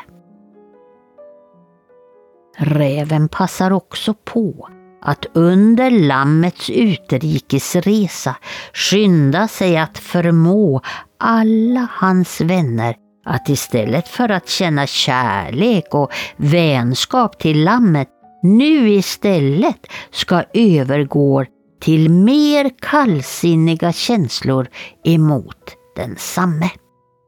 Men i synnerhet arbetar räven på att ställa lammet i onåd hos överheten. På det mest ogrundade skäl diktar räven alltid nya, gemena och förklenande påhitt och utsprider att lammet är en otrogen och förrädisk undersåte gentemot lejonet.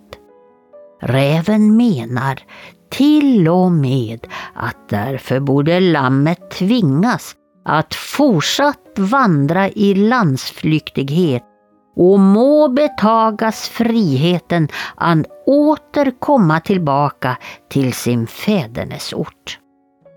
Vid lejonets hov ses nu räven alltid svassa omkring, ganska uppblåst av sina framgångar och han smickrar sig med ett begynnande hopp om ett eventuellt adelskap för sina inbillade förtjänster. Därför så har han redan tagit sig ett högt och förnämt namn och vill inte längre heta enbart räv, utan har nu bytt till Edrugluf von Skvallerbytta. Men runt omkring i djurriket pratas det, djur och djur emellan, om hur det ska gå för räven till slut.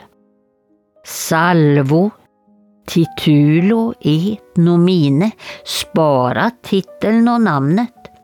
Ty lasten plägar alltid fälla sin man och högmodet går före fallet. Runt om i djurriket säger man allmänt att lejonet är en rättvis konung som förstår sig på att skapa nåd och rätt bland sina undersåtar. Därför håller man billigt före att räven, den smickraren, ej längre kan ha några framsteg vid hovet. Konungen alena kommer nog att se igenom rävens oheliga streck och skälmstycken. Kanske räven istället för att bliva adlad bevärdigas den landsflyktighet som han själv hade önskat för lammet. Ty oskuld segrar till slut mot argheten. Den benägne läsaren förväntar sig framdeles med säkerhet underrättelse om dessa omständigheters utgång, vilket nu ej kunnat ske. Nektergalen, den nuvarande sekreteraren i Djuriska riket, som har lämnat in denna fabel till tidningen, meddelar även att lammet ej ännu har återkommit från sin utrikesresa och att räven fortfarande opererar som mest vid hovet där hemma. Vulpes räv är i latinet ej utan skäl av feminint generis.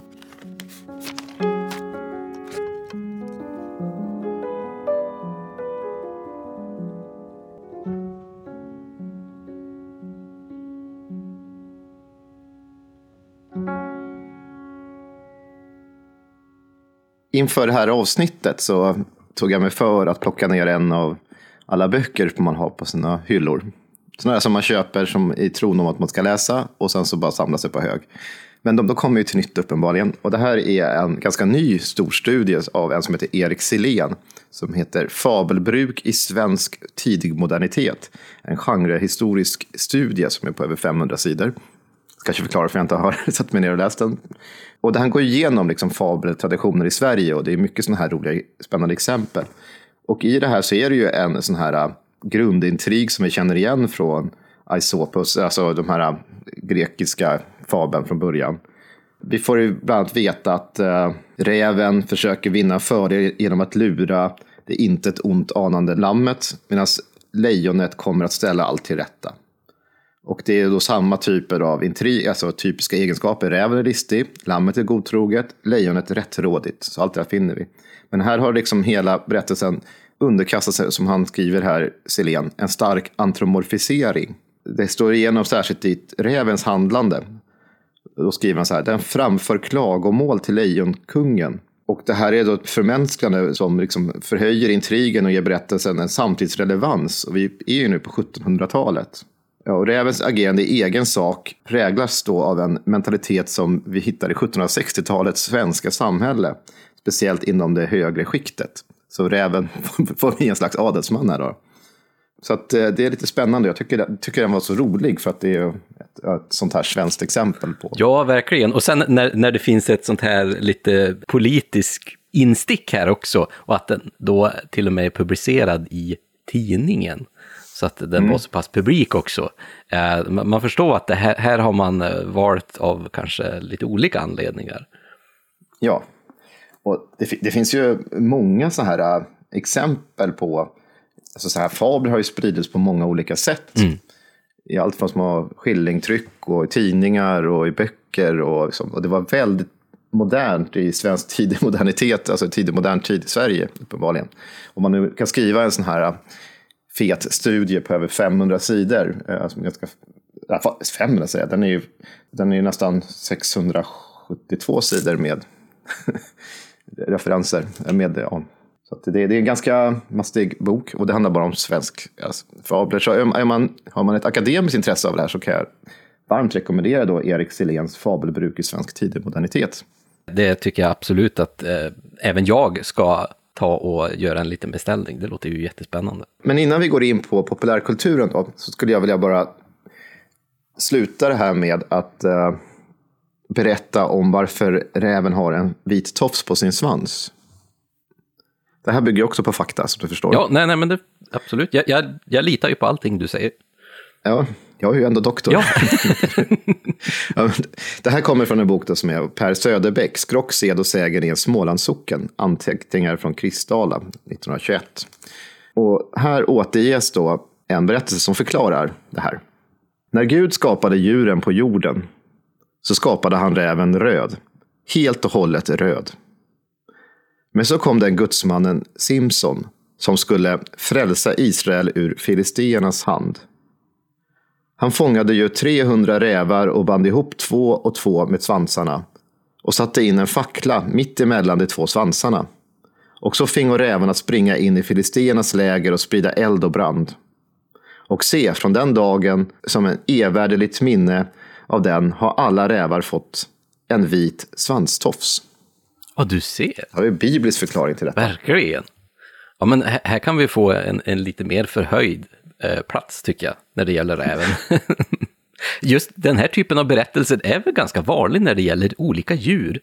Vi har ju tagit upp några sådana när vi pratar om björnen och, och när vi pratar om kråkfåglar och korp och sådär.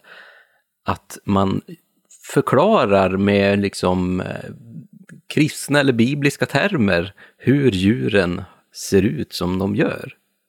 Ja, precis sådana här etiologiska berättelser brukar man kalla det för. Mm. Ursprungs som förklarar precis hur någonting ser ut som det gör. Varför en viss fågel kanske har rött bröst eller ja, varför en viss träd darrar på ett sätt som den gör och sådana saker. Ska vi ta och lyssna på en till text här innan vi kanske börjar prata om räven här i populärkulturen?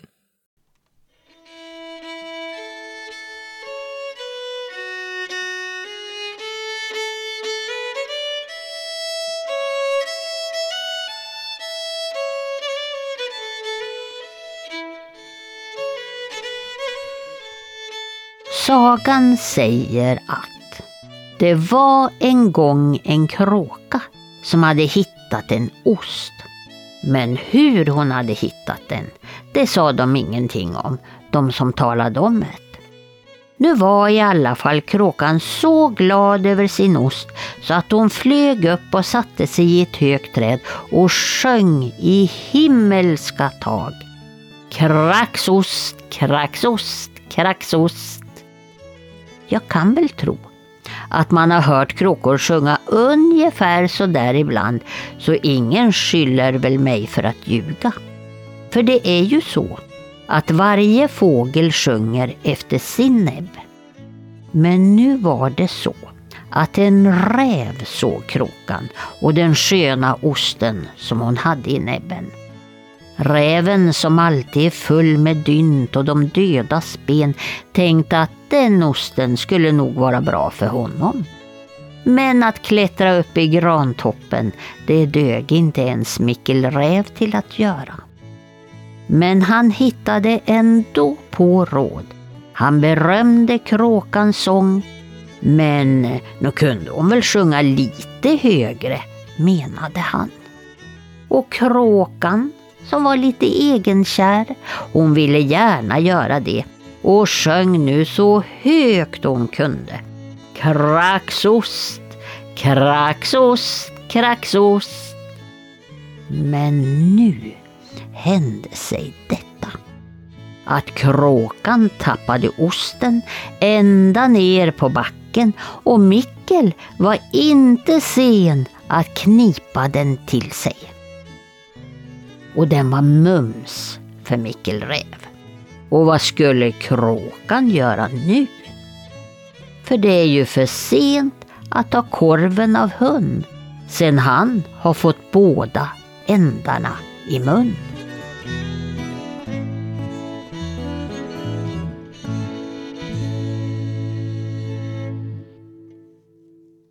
Ja, här har vi väl kanske också en sån här berättelse som har lite sensmoral. Man kanske inte ska vara så egenkär. Nej, Då tappar man så det brukar osten. inte löna sig. Den här kråkan blev ju lurad av räven, liks förbaskat. Räven har ju uppenbarligen haft en stor plats i eh, vår tradition och våra föreställningar och vår folktro och, och tankar kring trolldom och sjukdomsbot och jakt och allt möjligt. Men räven är ju också ett djur som kanske lite på grund av mycket av de här fablerna och sagorna har fått en stor plats i populärkulturen. I tecknad film till exempel är ju räven väldigt vanlig att illustrera. Och, och, och då får han ju också många gånger den här äh, karaktärsdragen som han ofta har i sagorna också, att han är den här sluga som är lite listig och lite smart och som ibland också kan råka ut för lite jäkelskap på grund av att han är lite väl slug ibland. Har du någon sån där äh, film där just räven förekommer? Tänker du på film specifikt? Ja, det, fin- det finns ju faktiskt. Det kom ju en film för Fantastic Mr. Fox, Ja, just det. 2000-talet här. Som ju, jag tyckte var ganska bra. Sen har vi ju naturligtvis olika Disney. eh, Robin Hood är ju kanske bästa exemplet. Och så finns det också, vad heter den här, Zootopia? Eller någonting. Ja. Där också en, en räv eh, ingår som är hyfsat eh, ny. Men jag tror att rävar har ju visats i film sedan ja, mitten av 1900-talet åtminstone. Har ju olika roller. Jag tänker också på rävarna som i musik. Det finns ju sån här Fox on the Run exempelvis. En låten som heter Manfred Mann som Sweet har gjort också en cover på. Och sen så finns det Foxy Lady av, eh, av Jimi Hendrix. Eh, så, så, och du, din favoritlåt såklart, What Does the Fox Say? ja, precis. Och det här eh, eh, norska humorgruppen Ylvis, eh, Ja. det var 2013 eller något sånt där, de, de släppte just det. Elton John har ju också gjort ett, ett album som heter The Fox. Ja, det stämmer ja, just det. Det finns massor. Jag tänker på någonting som jag, jag växte upp med Sega Mega Drive exempelvis. Och då spelar man ju en igelkott. Men i senare, jag tror inte det var med i första spelet, men kom senare kom ju en, en annan, en räv som man kunde vara med. Mm. Och det är, ja, du tänker väl på den här spelserien Sonic? Sonic, ja. Sonic the Hedgehog. Och där, där är ju en räv med som man kan också manipulera spelare, som är hans kompis. Och jag tror inte att eh, han vänder omkull på Sonic någon gång och pissar på honom. Nej. Och sen, sen är det ju också mycket asiatiska referenser till rävar. Mm. Vi, har ju exempelvis Pokémon, eh, det finns ett, ett antal olika rävar och vi ska kanske säga någonting om Just det, det, också här. Jag, jag tänkte på en sak här när du, när- du nämnde något spel också. Eh, det finns ju den här spelserien The Elder Scrolls. Och där den eh, senaste har blivit väldigt populär som heter Skyrim. Som är liksom i, i, lite grann i eh, en fornordisk eh, miljö nästan. Och där har faktiskt räven en speciell funktion. För hela den här världen har ju då en mängd olika djur. Det kan vara mammutar och det kan vara eh, olika hjortdjur. Och, men räven finns ju där också. Och just räven har en funktion i det här spelet som ingen av de här andra djuren har. Och det är att när du möter en sån här räv så kan du följa efter den, för den börjar ju springa iväg liksom. Men många av de här är inställda på att följer man den här räven, då kommer den att springa till ett gömt föremål eller en gömd skatt eller liknande. Så att man har medvetet programmerat in just för rävarna i det här spelet, att de leder dig till en skatt eller något gömt vapen eller något sånt där. Och det tycker jag, var, det slog mig precis nu. Faktiskt. Hela den där grejen tänker jag inte, jag tänker inte på Elder Scrolls, jag tänker på ett japanskt spel där man spelar en samuraj. Där just räven gör exakt det där. Ja, just Jag kommer inte det. ihåg vad det heter, som, som är hyfsat nytt i alla fall. Jätte, jätte, jättevackert spel över, överlag. Men hur som helst, räven har ju en väldigt... I det här avsnittet kanske en del av er har märkt, om ni jämför det här med, säg kattavsnittet. Då, då var vi ute och tog ett exempel här och var i världen. Vi, vi har inte gjort det nu, för att det skulle bli alldeles för... Ja, men det blir så omfattande och det är svårt att få välja ut rätt och sådär. Men en räv som har följt med mig, det är en som jag har sett mycket av i mina resor till Japan exempelvis. För där är räven också förvisso eh, ett slukt djur, ett listigt djur eh, som är lite, kan vara lite förrädiskt ibland i japansk folklore. Du har ju, eh, kitsune är ju ett, ett namn för Ja. räven, i- som en yokai då, som är som motsvarande väsen. Det är väl en räv som, jag tror man har sett den väldigt ofta, han har ett antal, många olika svansar va? Det kan vara upp till nio svansad räv och det är den, den starkaste av de här kitsune. Då. Och den förekommer i jättemånga yokai-berättelser då, som har berättats i Japan. Och i de här berättelserna så ingår bland annat eh, berättelser om sådana här rävkvinnor eller rävmödrar, till och med rävbröllop. Och räven här är en, eller kan det till och med vara räv som för, för, alltså förklätt sig till en munk eller något sånt där. Men räven här är då en, ska man säga, kan byta form, kan förvandla sig. Så att den är mästare på förvandlingar och kan också då oftast förvandlas kanske till en vacker kvinna som då eh, förför en man. Det, det är det liksom man ser här. Det är rävarna och sen är det tanuki som är, är det, mårdhundar som brukar stå för sådana här barer och sånt i Japan. Men mårdhundarna använder sina pungar, testiklar, för att förvandla sig till saker och ting. Ja. Medan rävarna behöver inte den där. Ehm, jo, det, det, det, och det, det, det är jättefint. Och faktum är ju att i den här serien som jag har pratat om, eh, Världen runt, så kommer vi, efter önskemål från många av er som har lyssnat, så kommer vi fördjupa oss i yokai, japanska väsen. Så det, det kommer komma mer av den varan och vi kommer lägga mer av det här när vi går ner världen runt i den serien istället. Jag tänkte nästan när du pratade om den här flersvansade räven, du nämnde ju bland annat Sonic, hans partner där, eh, Tails heter han. Och det är ju en räv med flera svansar som han kan flyga med. Och jag tror att han faktiskt är inspirerad av just den här japanska tanken. Och även så nämnde du ju Pokémon. Där finns det en Pokémon som heter Ninetales. Vilket är egentligen en stor räv med nio svansar.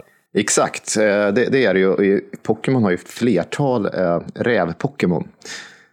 Ska- jag avslöja nördigt eh, mycket Pokémon man har spelat Nej, men dagar? gör det. Jag... Men det finns, Vu- Vulpix finns det en som heter. Ninetales, eh, Braixen, Delphox, Vaporeon. Zoroa.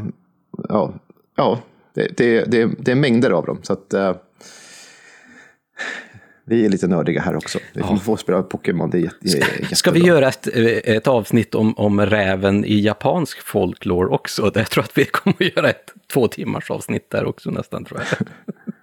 Det finns förresten i, om vi lämnar lite Japan, för där kan man, det finns jättemycket saker där rävarna förekommer i film och i spel och sånt där. Men jag tänkte på två saker till.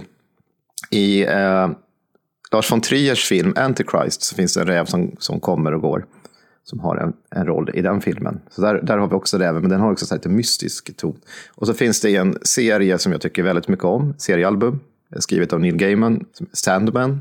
Och i en av serierna där handlar uttryckligen om en räv. Fast den har väldigt sån här japansk eh, stil då. Jag tycker det här, precis som vi brukar säga i det här eh, segmentet, att vi kan ju inte lista alla möjliga eh, olika delar i populärkulturen, just det här väsenet eller just den här räven då. Men vi vill jättegärna höra tips av er lyssnare. Det här är så himla bra. Jag tyckte det är så kul när ni lämnar tips på olika filmer eller spel eller i konsten eller i musiken där den här räven har dykt upp eller använts som inspiration eller en speciell sägentyp som den är med i. Det vore jättekul att höra, för då, då får vi lära oss mer allihopa. Det, det vore jätteroligt att se och kanske också hur ni har avbildat rävar eller om ni har tagit fotografier på rävar. Det också. Mm. Men en sak till som vi inte får glömma bort här, även om vi inte får med allt, men det är såklart eh, man kan ju faktiskt, eh, istället för att använda Google, kan man använda någonting annat som heter Firefox. Den har en räv som logotyp. Exakt. En brinnande räv. Ja, men är det ju från eh, när han fick den här eh, vita svansen då? Ja, vi, vi, säger så. Vi säger att det, det, Firefox kommer från den här bibliska tanken om att räven fick sin vita svans. Ja. Just. Men du Tommy, vi kanske ska ta och göra en liten sammanfattning och avsluta det här härliga avsnittet. Och jag tycker nästan vi ska ha en sista text här med en Ja, vi skulle kunna säga att det är en liten klassiker ändå, för den här har vi hört en liknande variant på eh, i ett tidigare avsnitt. Men eh, den är så himla bra så jag tycker vi ska eh, köra den här en gång till.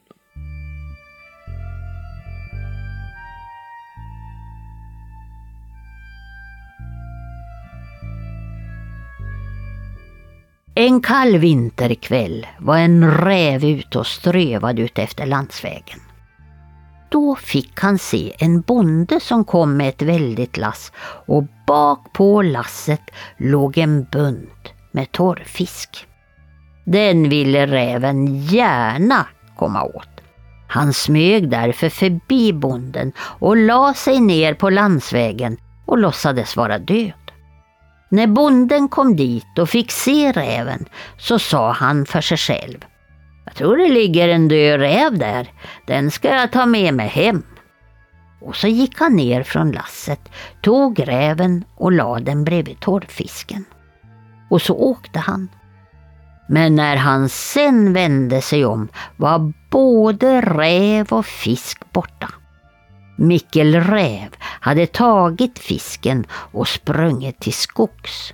När räven sen satt i skogen och åt kom björnen fram till honom och frågade var har du fått den där fisken ifrån? Jo, den har jag metat upp i sjön, sa räven. Men hur gjorde du då? undrade björnen. Jo, sa räven. Jag högg upp ett litet hål i isen och sen satte jag ner svansen i hålet och lät den ligga där tills jag trodde att den hade nappat. Då drog jag upp den och då var det fisk på den. Björnen gick då sin väg och skulle meta han också och räven ropade efter honom. Du ska inte dra upp svansen förrän det känns riktigt tungt. Men ryck ordentligt då för då är det mycket fisk på. Och björnen, han gjorde som räven sagt, höll ner svansen i hålet så länge att den frös fast.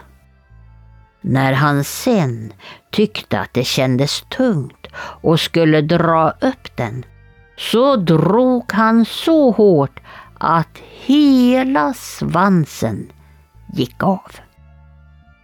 Och det är därför som björnen än idag inte har någon svans.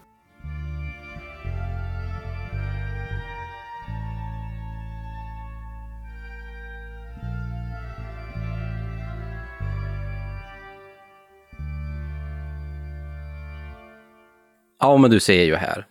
Här har vi ju den här äh, typiska berättelsen om hur räven lurar björnen, där man förklarar hur björnen fick sin korta svans. Han satt ju där och till slut så frös den fast i isen.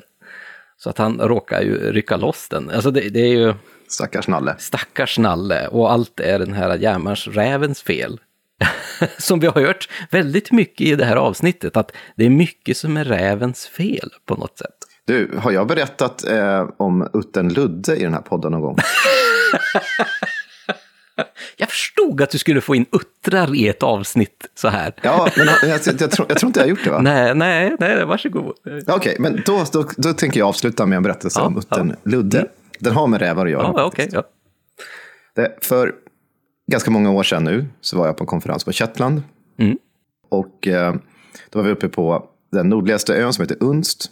Där finns nästan inga människor alls, men där hölls konferensen. Och så skulle vi liksom bege oss med buss vidare, för man åker mellan öar där. Och så skulle vi över, liksom, hämta på en färja som skulle hämta oss med bussen. Och då var chauffören nere och rökte, så kom han upp och sa att det är några uttrar där nere. Då sprang jag ner och såg, fotograferade faktiskt en utter, en vild utter, eh, som stod och pep argt mot mig och den andra försvann. Sen på vägen hem från den här konferensen så funderade jag på så här, men varför vet jag ingenting om uttrar? Det finns det är ett väldigt spännande djur och eh, jag blev väldigt förälskad i uttrar så att jag började läsa på mycket om uttrar och har skrivit en artikel om uttrar och sådana saker. Men i det här arbetet så tog jag mig till den platsen jag idag arbetar på, Dialekt och folkminnesarkivet i Uppsala. Och där sökte jag upp en berättelse som är inlämnad av en man som heter Gotthard Sjöman. Och det här ska utspela sig på, på, på Öland då, på 1870-talet ungefär.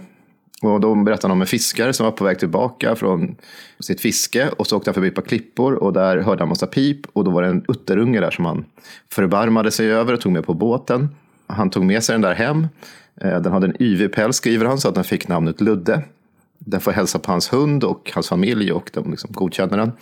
Det, det grymma här är att egentligen så är han ju, tycker han att uttern är för liten och vill att den ska växa till sig. För att han är egentligen ute efter pälsen, men det kan vi låtsas som att det inte finns med. Och sen så har han den här uttern med sig och den går med honom som, en hund. Han kan kalla på den så att den som går med honom. Men sen börjar det hända saker i byn. Att det börjar gå åt höns. Och de andra skyller på uttern Ludde. De tror att det är Ludde som har stulit hönsen. Och då måste han binda Ludde på bakgården. Och gör det, men hönsen fortsätter gå åt. Och då visar det sig att det inte alls är uttern Ludde som har gjort detta, utan det är Mikkel Räv som varit framme. Och då ser. får de tag på räven och sen vet jag inte vad som hände med Ludde sen. Nej, förhoppningsvis så gick det bra för han var, han var ju uppenbarligen för liten för att eh, dra pälsen av. Så att eh, det, vi får hoppas att det gick bra. Ja, du ser, här, här fick eh, räven än en gång vara någon slags eh, järnmalmstyp som ställer till det för folk, uppenbarligen. Till och med för uttrar det inte lätt. ja. Men rävarna är ju väldigt trevliga. Jag tycker verkligen om räven eh, som djur. De är otroligt mysiga. De är så nyfikna också och väldigt lekfulla. Jo, men det finns en sån här jättefin eh, scen i en film som är ganska tragisk annars. Eh, Herzogs den här Grizzly Man. Som handlar om han som blev uppäten sen av en grizzlybjörn i Kanada. Det, det är ju filmat från hans egna filmer liksom, som han Herzog har klippt ihop. Och i en stund där som är ganska magisk när han är ute själv, skulle det se ut som i alla fall, i vildmarken. Och, och filmar och är med sina björnar, sina grizzlybjörnar så är, kommer det en massa rävungar och de här, eller räven kommer närmare och närmare så att de, de blir liksom bekanta med varandra och vänjer sig vid honom. Så det, har han filmat jättefina scener där rävungarna leker i hans tält och liksom håller på och busar runt och springer iväg med saker och sånt där. Men det, det är så himla fint, liksom. den där äh, mitt i naturen med rävarna. Och de, de, de är ju faktiskt väldigt, väldigt, väldigt trevliga och fina och nyfikna. Och... Ja, nej men eh, jag tycker att vi ska få, även om den har fått stå i lite dålig dager kanske i just det här avsnittet, så tycker jag ändå att vi ska värna om räven. Den är väldigt vacker och väldigt mysig på något sätt. Där gjorde ju faktiskt Disney en bra sak med att Robin Hood fick bli en räv. Verkligen. Och vill du veta förresten en liten anekdot där om Disneys eh, Robin Hood? För där är han ju faktiskt en räv. Men jag läste faktiskt att de hade tänkt att göra en sån här eh, film från den här räven Reynard. Från den här gamla folksagan. Men de skrotade den för att det passade liksom inte in i Disneys image just då. Men den idéskiss och den design som man hade gjort på Reynard, för det hade man ju gjort då inför den här filmen som de skulle producera, den tog man och använde till Robin Hood istället. Okej. Så Reynard fick faktiskt eh, följa med lite grann in där i Disneys Robin Hood. Så att, eh, ja, det var lite kul faktiskt. Fantastiskt. Ja, men det var helt... Du har en liten räv bakom örat ändå. Ja, ja, ja verkligen.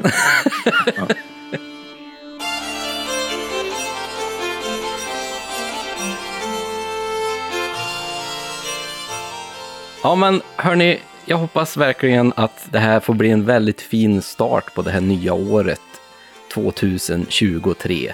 I år har vi ju planerat väldigt många härliga, spännande avsnitt, både i den här ordinarie podden, men sen även som sagt på vår Patreon-sida där vi har nu två rullande serier, poddserier som är då med fornnordisk mytologi och sen folktro från hela världen som är otroligt kul. Men jag tänkte vi kan ju säga några ändå ord om hur vi har tänkt oss här framöver i den här ordinarie podden. Och jag tycker att vi redan nu kan avslöja vad nästa ämne ska bli i februari. Absolut. Det här året tänker jag att det kunde vara bra att vi ska faktiskt ta oss an trolldomen. Vi ska prata flera avsnitt som handlar om trolldom och det som kallas för häxor i folkvitt, eh, folktron. Mm.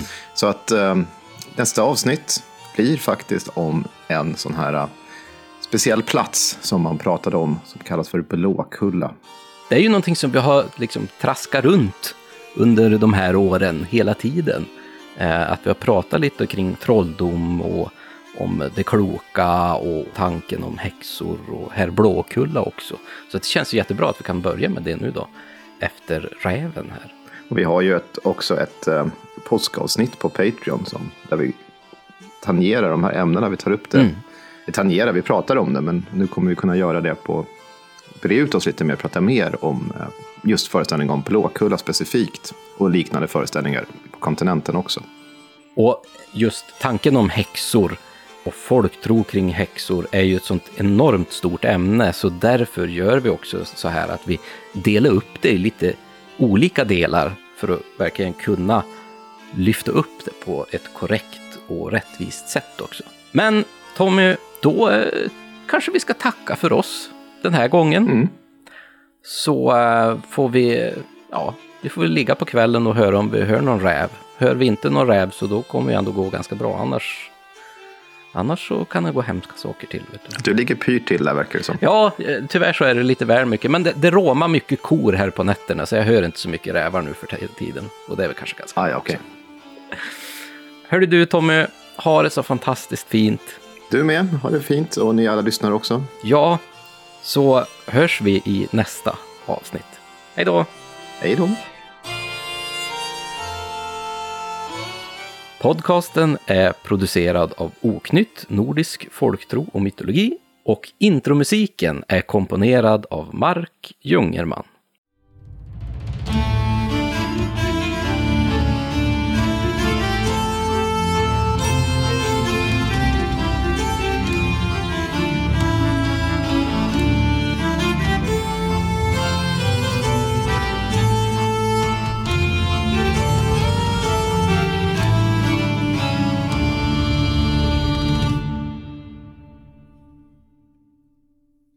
Tar en liten paus här, för jag, ska, jag har en sak att lägga in i det där. Mm. Jag ska bara hitta det. Där ser jag bara penis och skrotum, men det var det jag skulle. Varför kommer du tillbaka till det kapitlet flera gånger? Nej, Jag vet inte.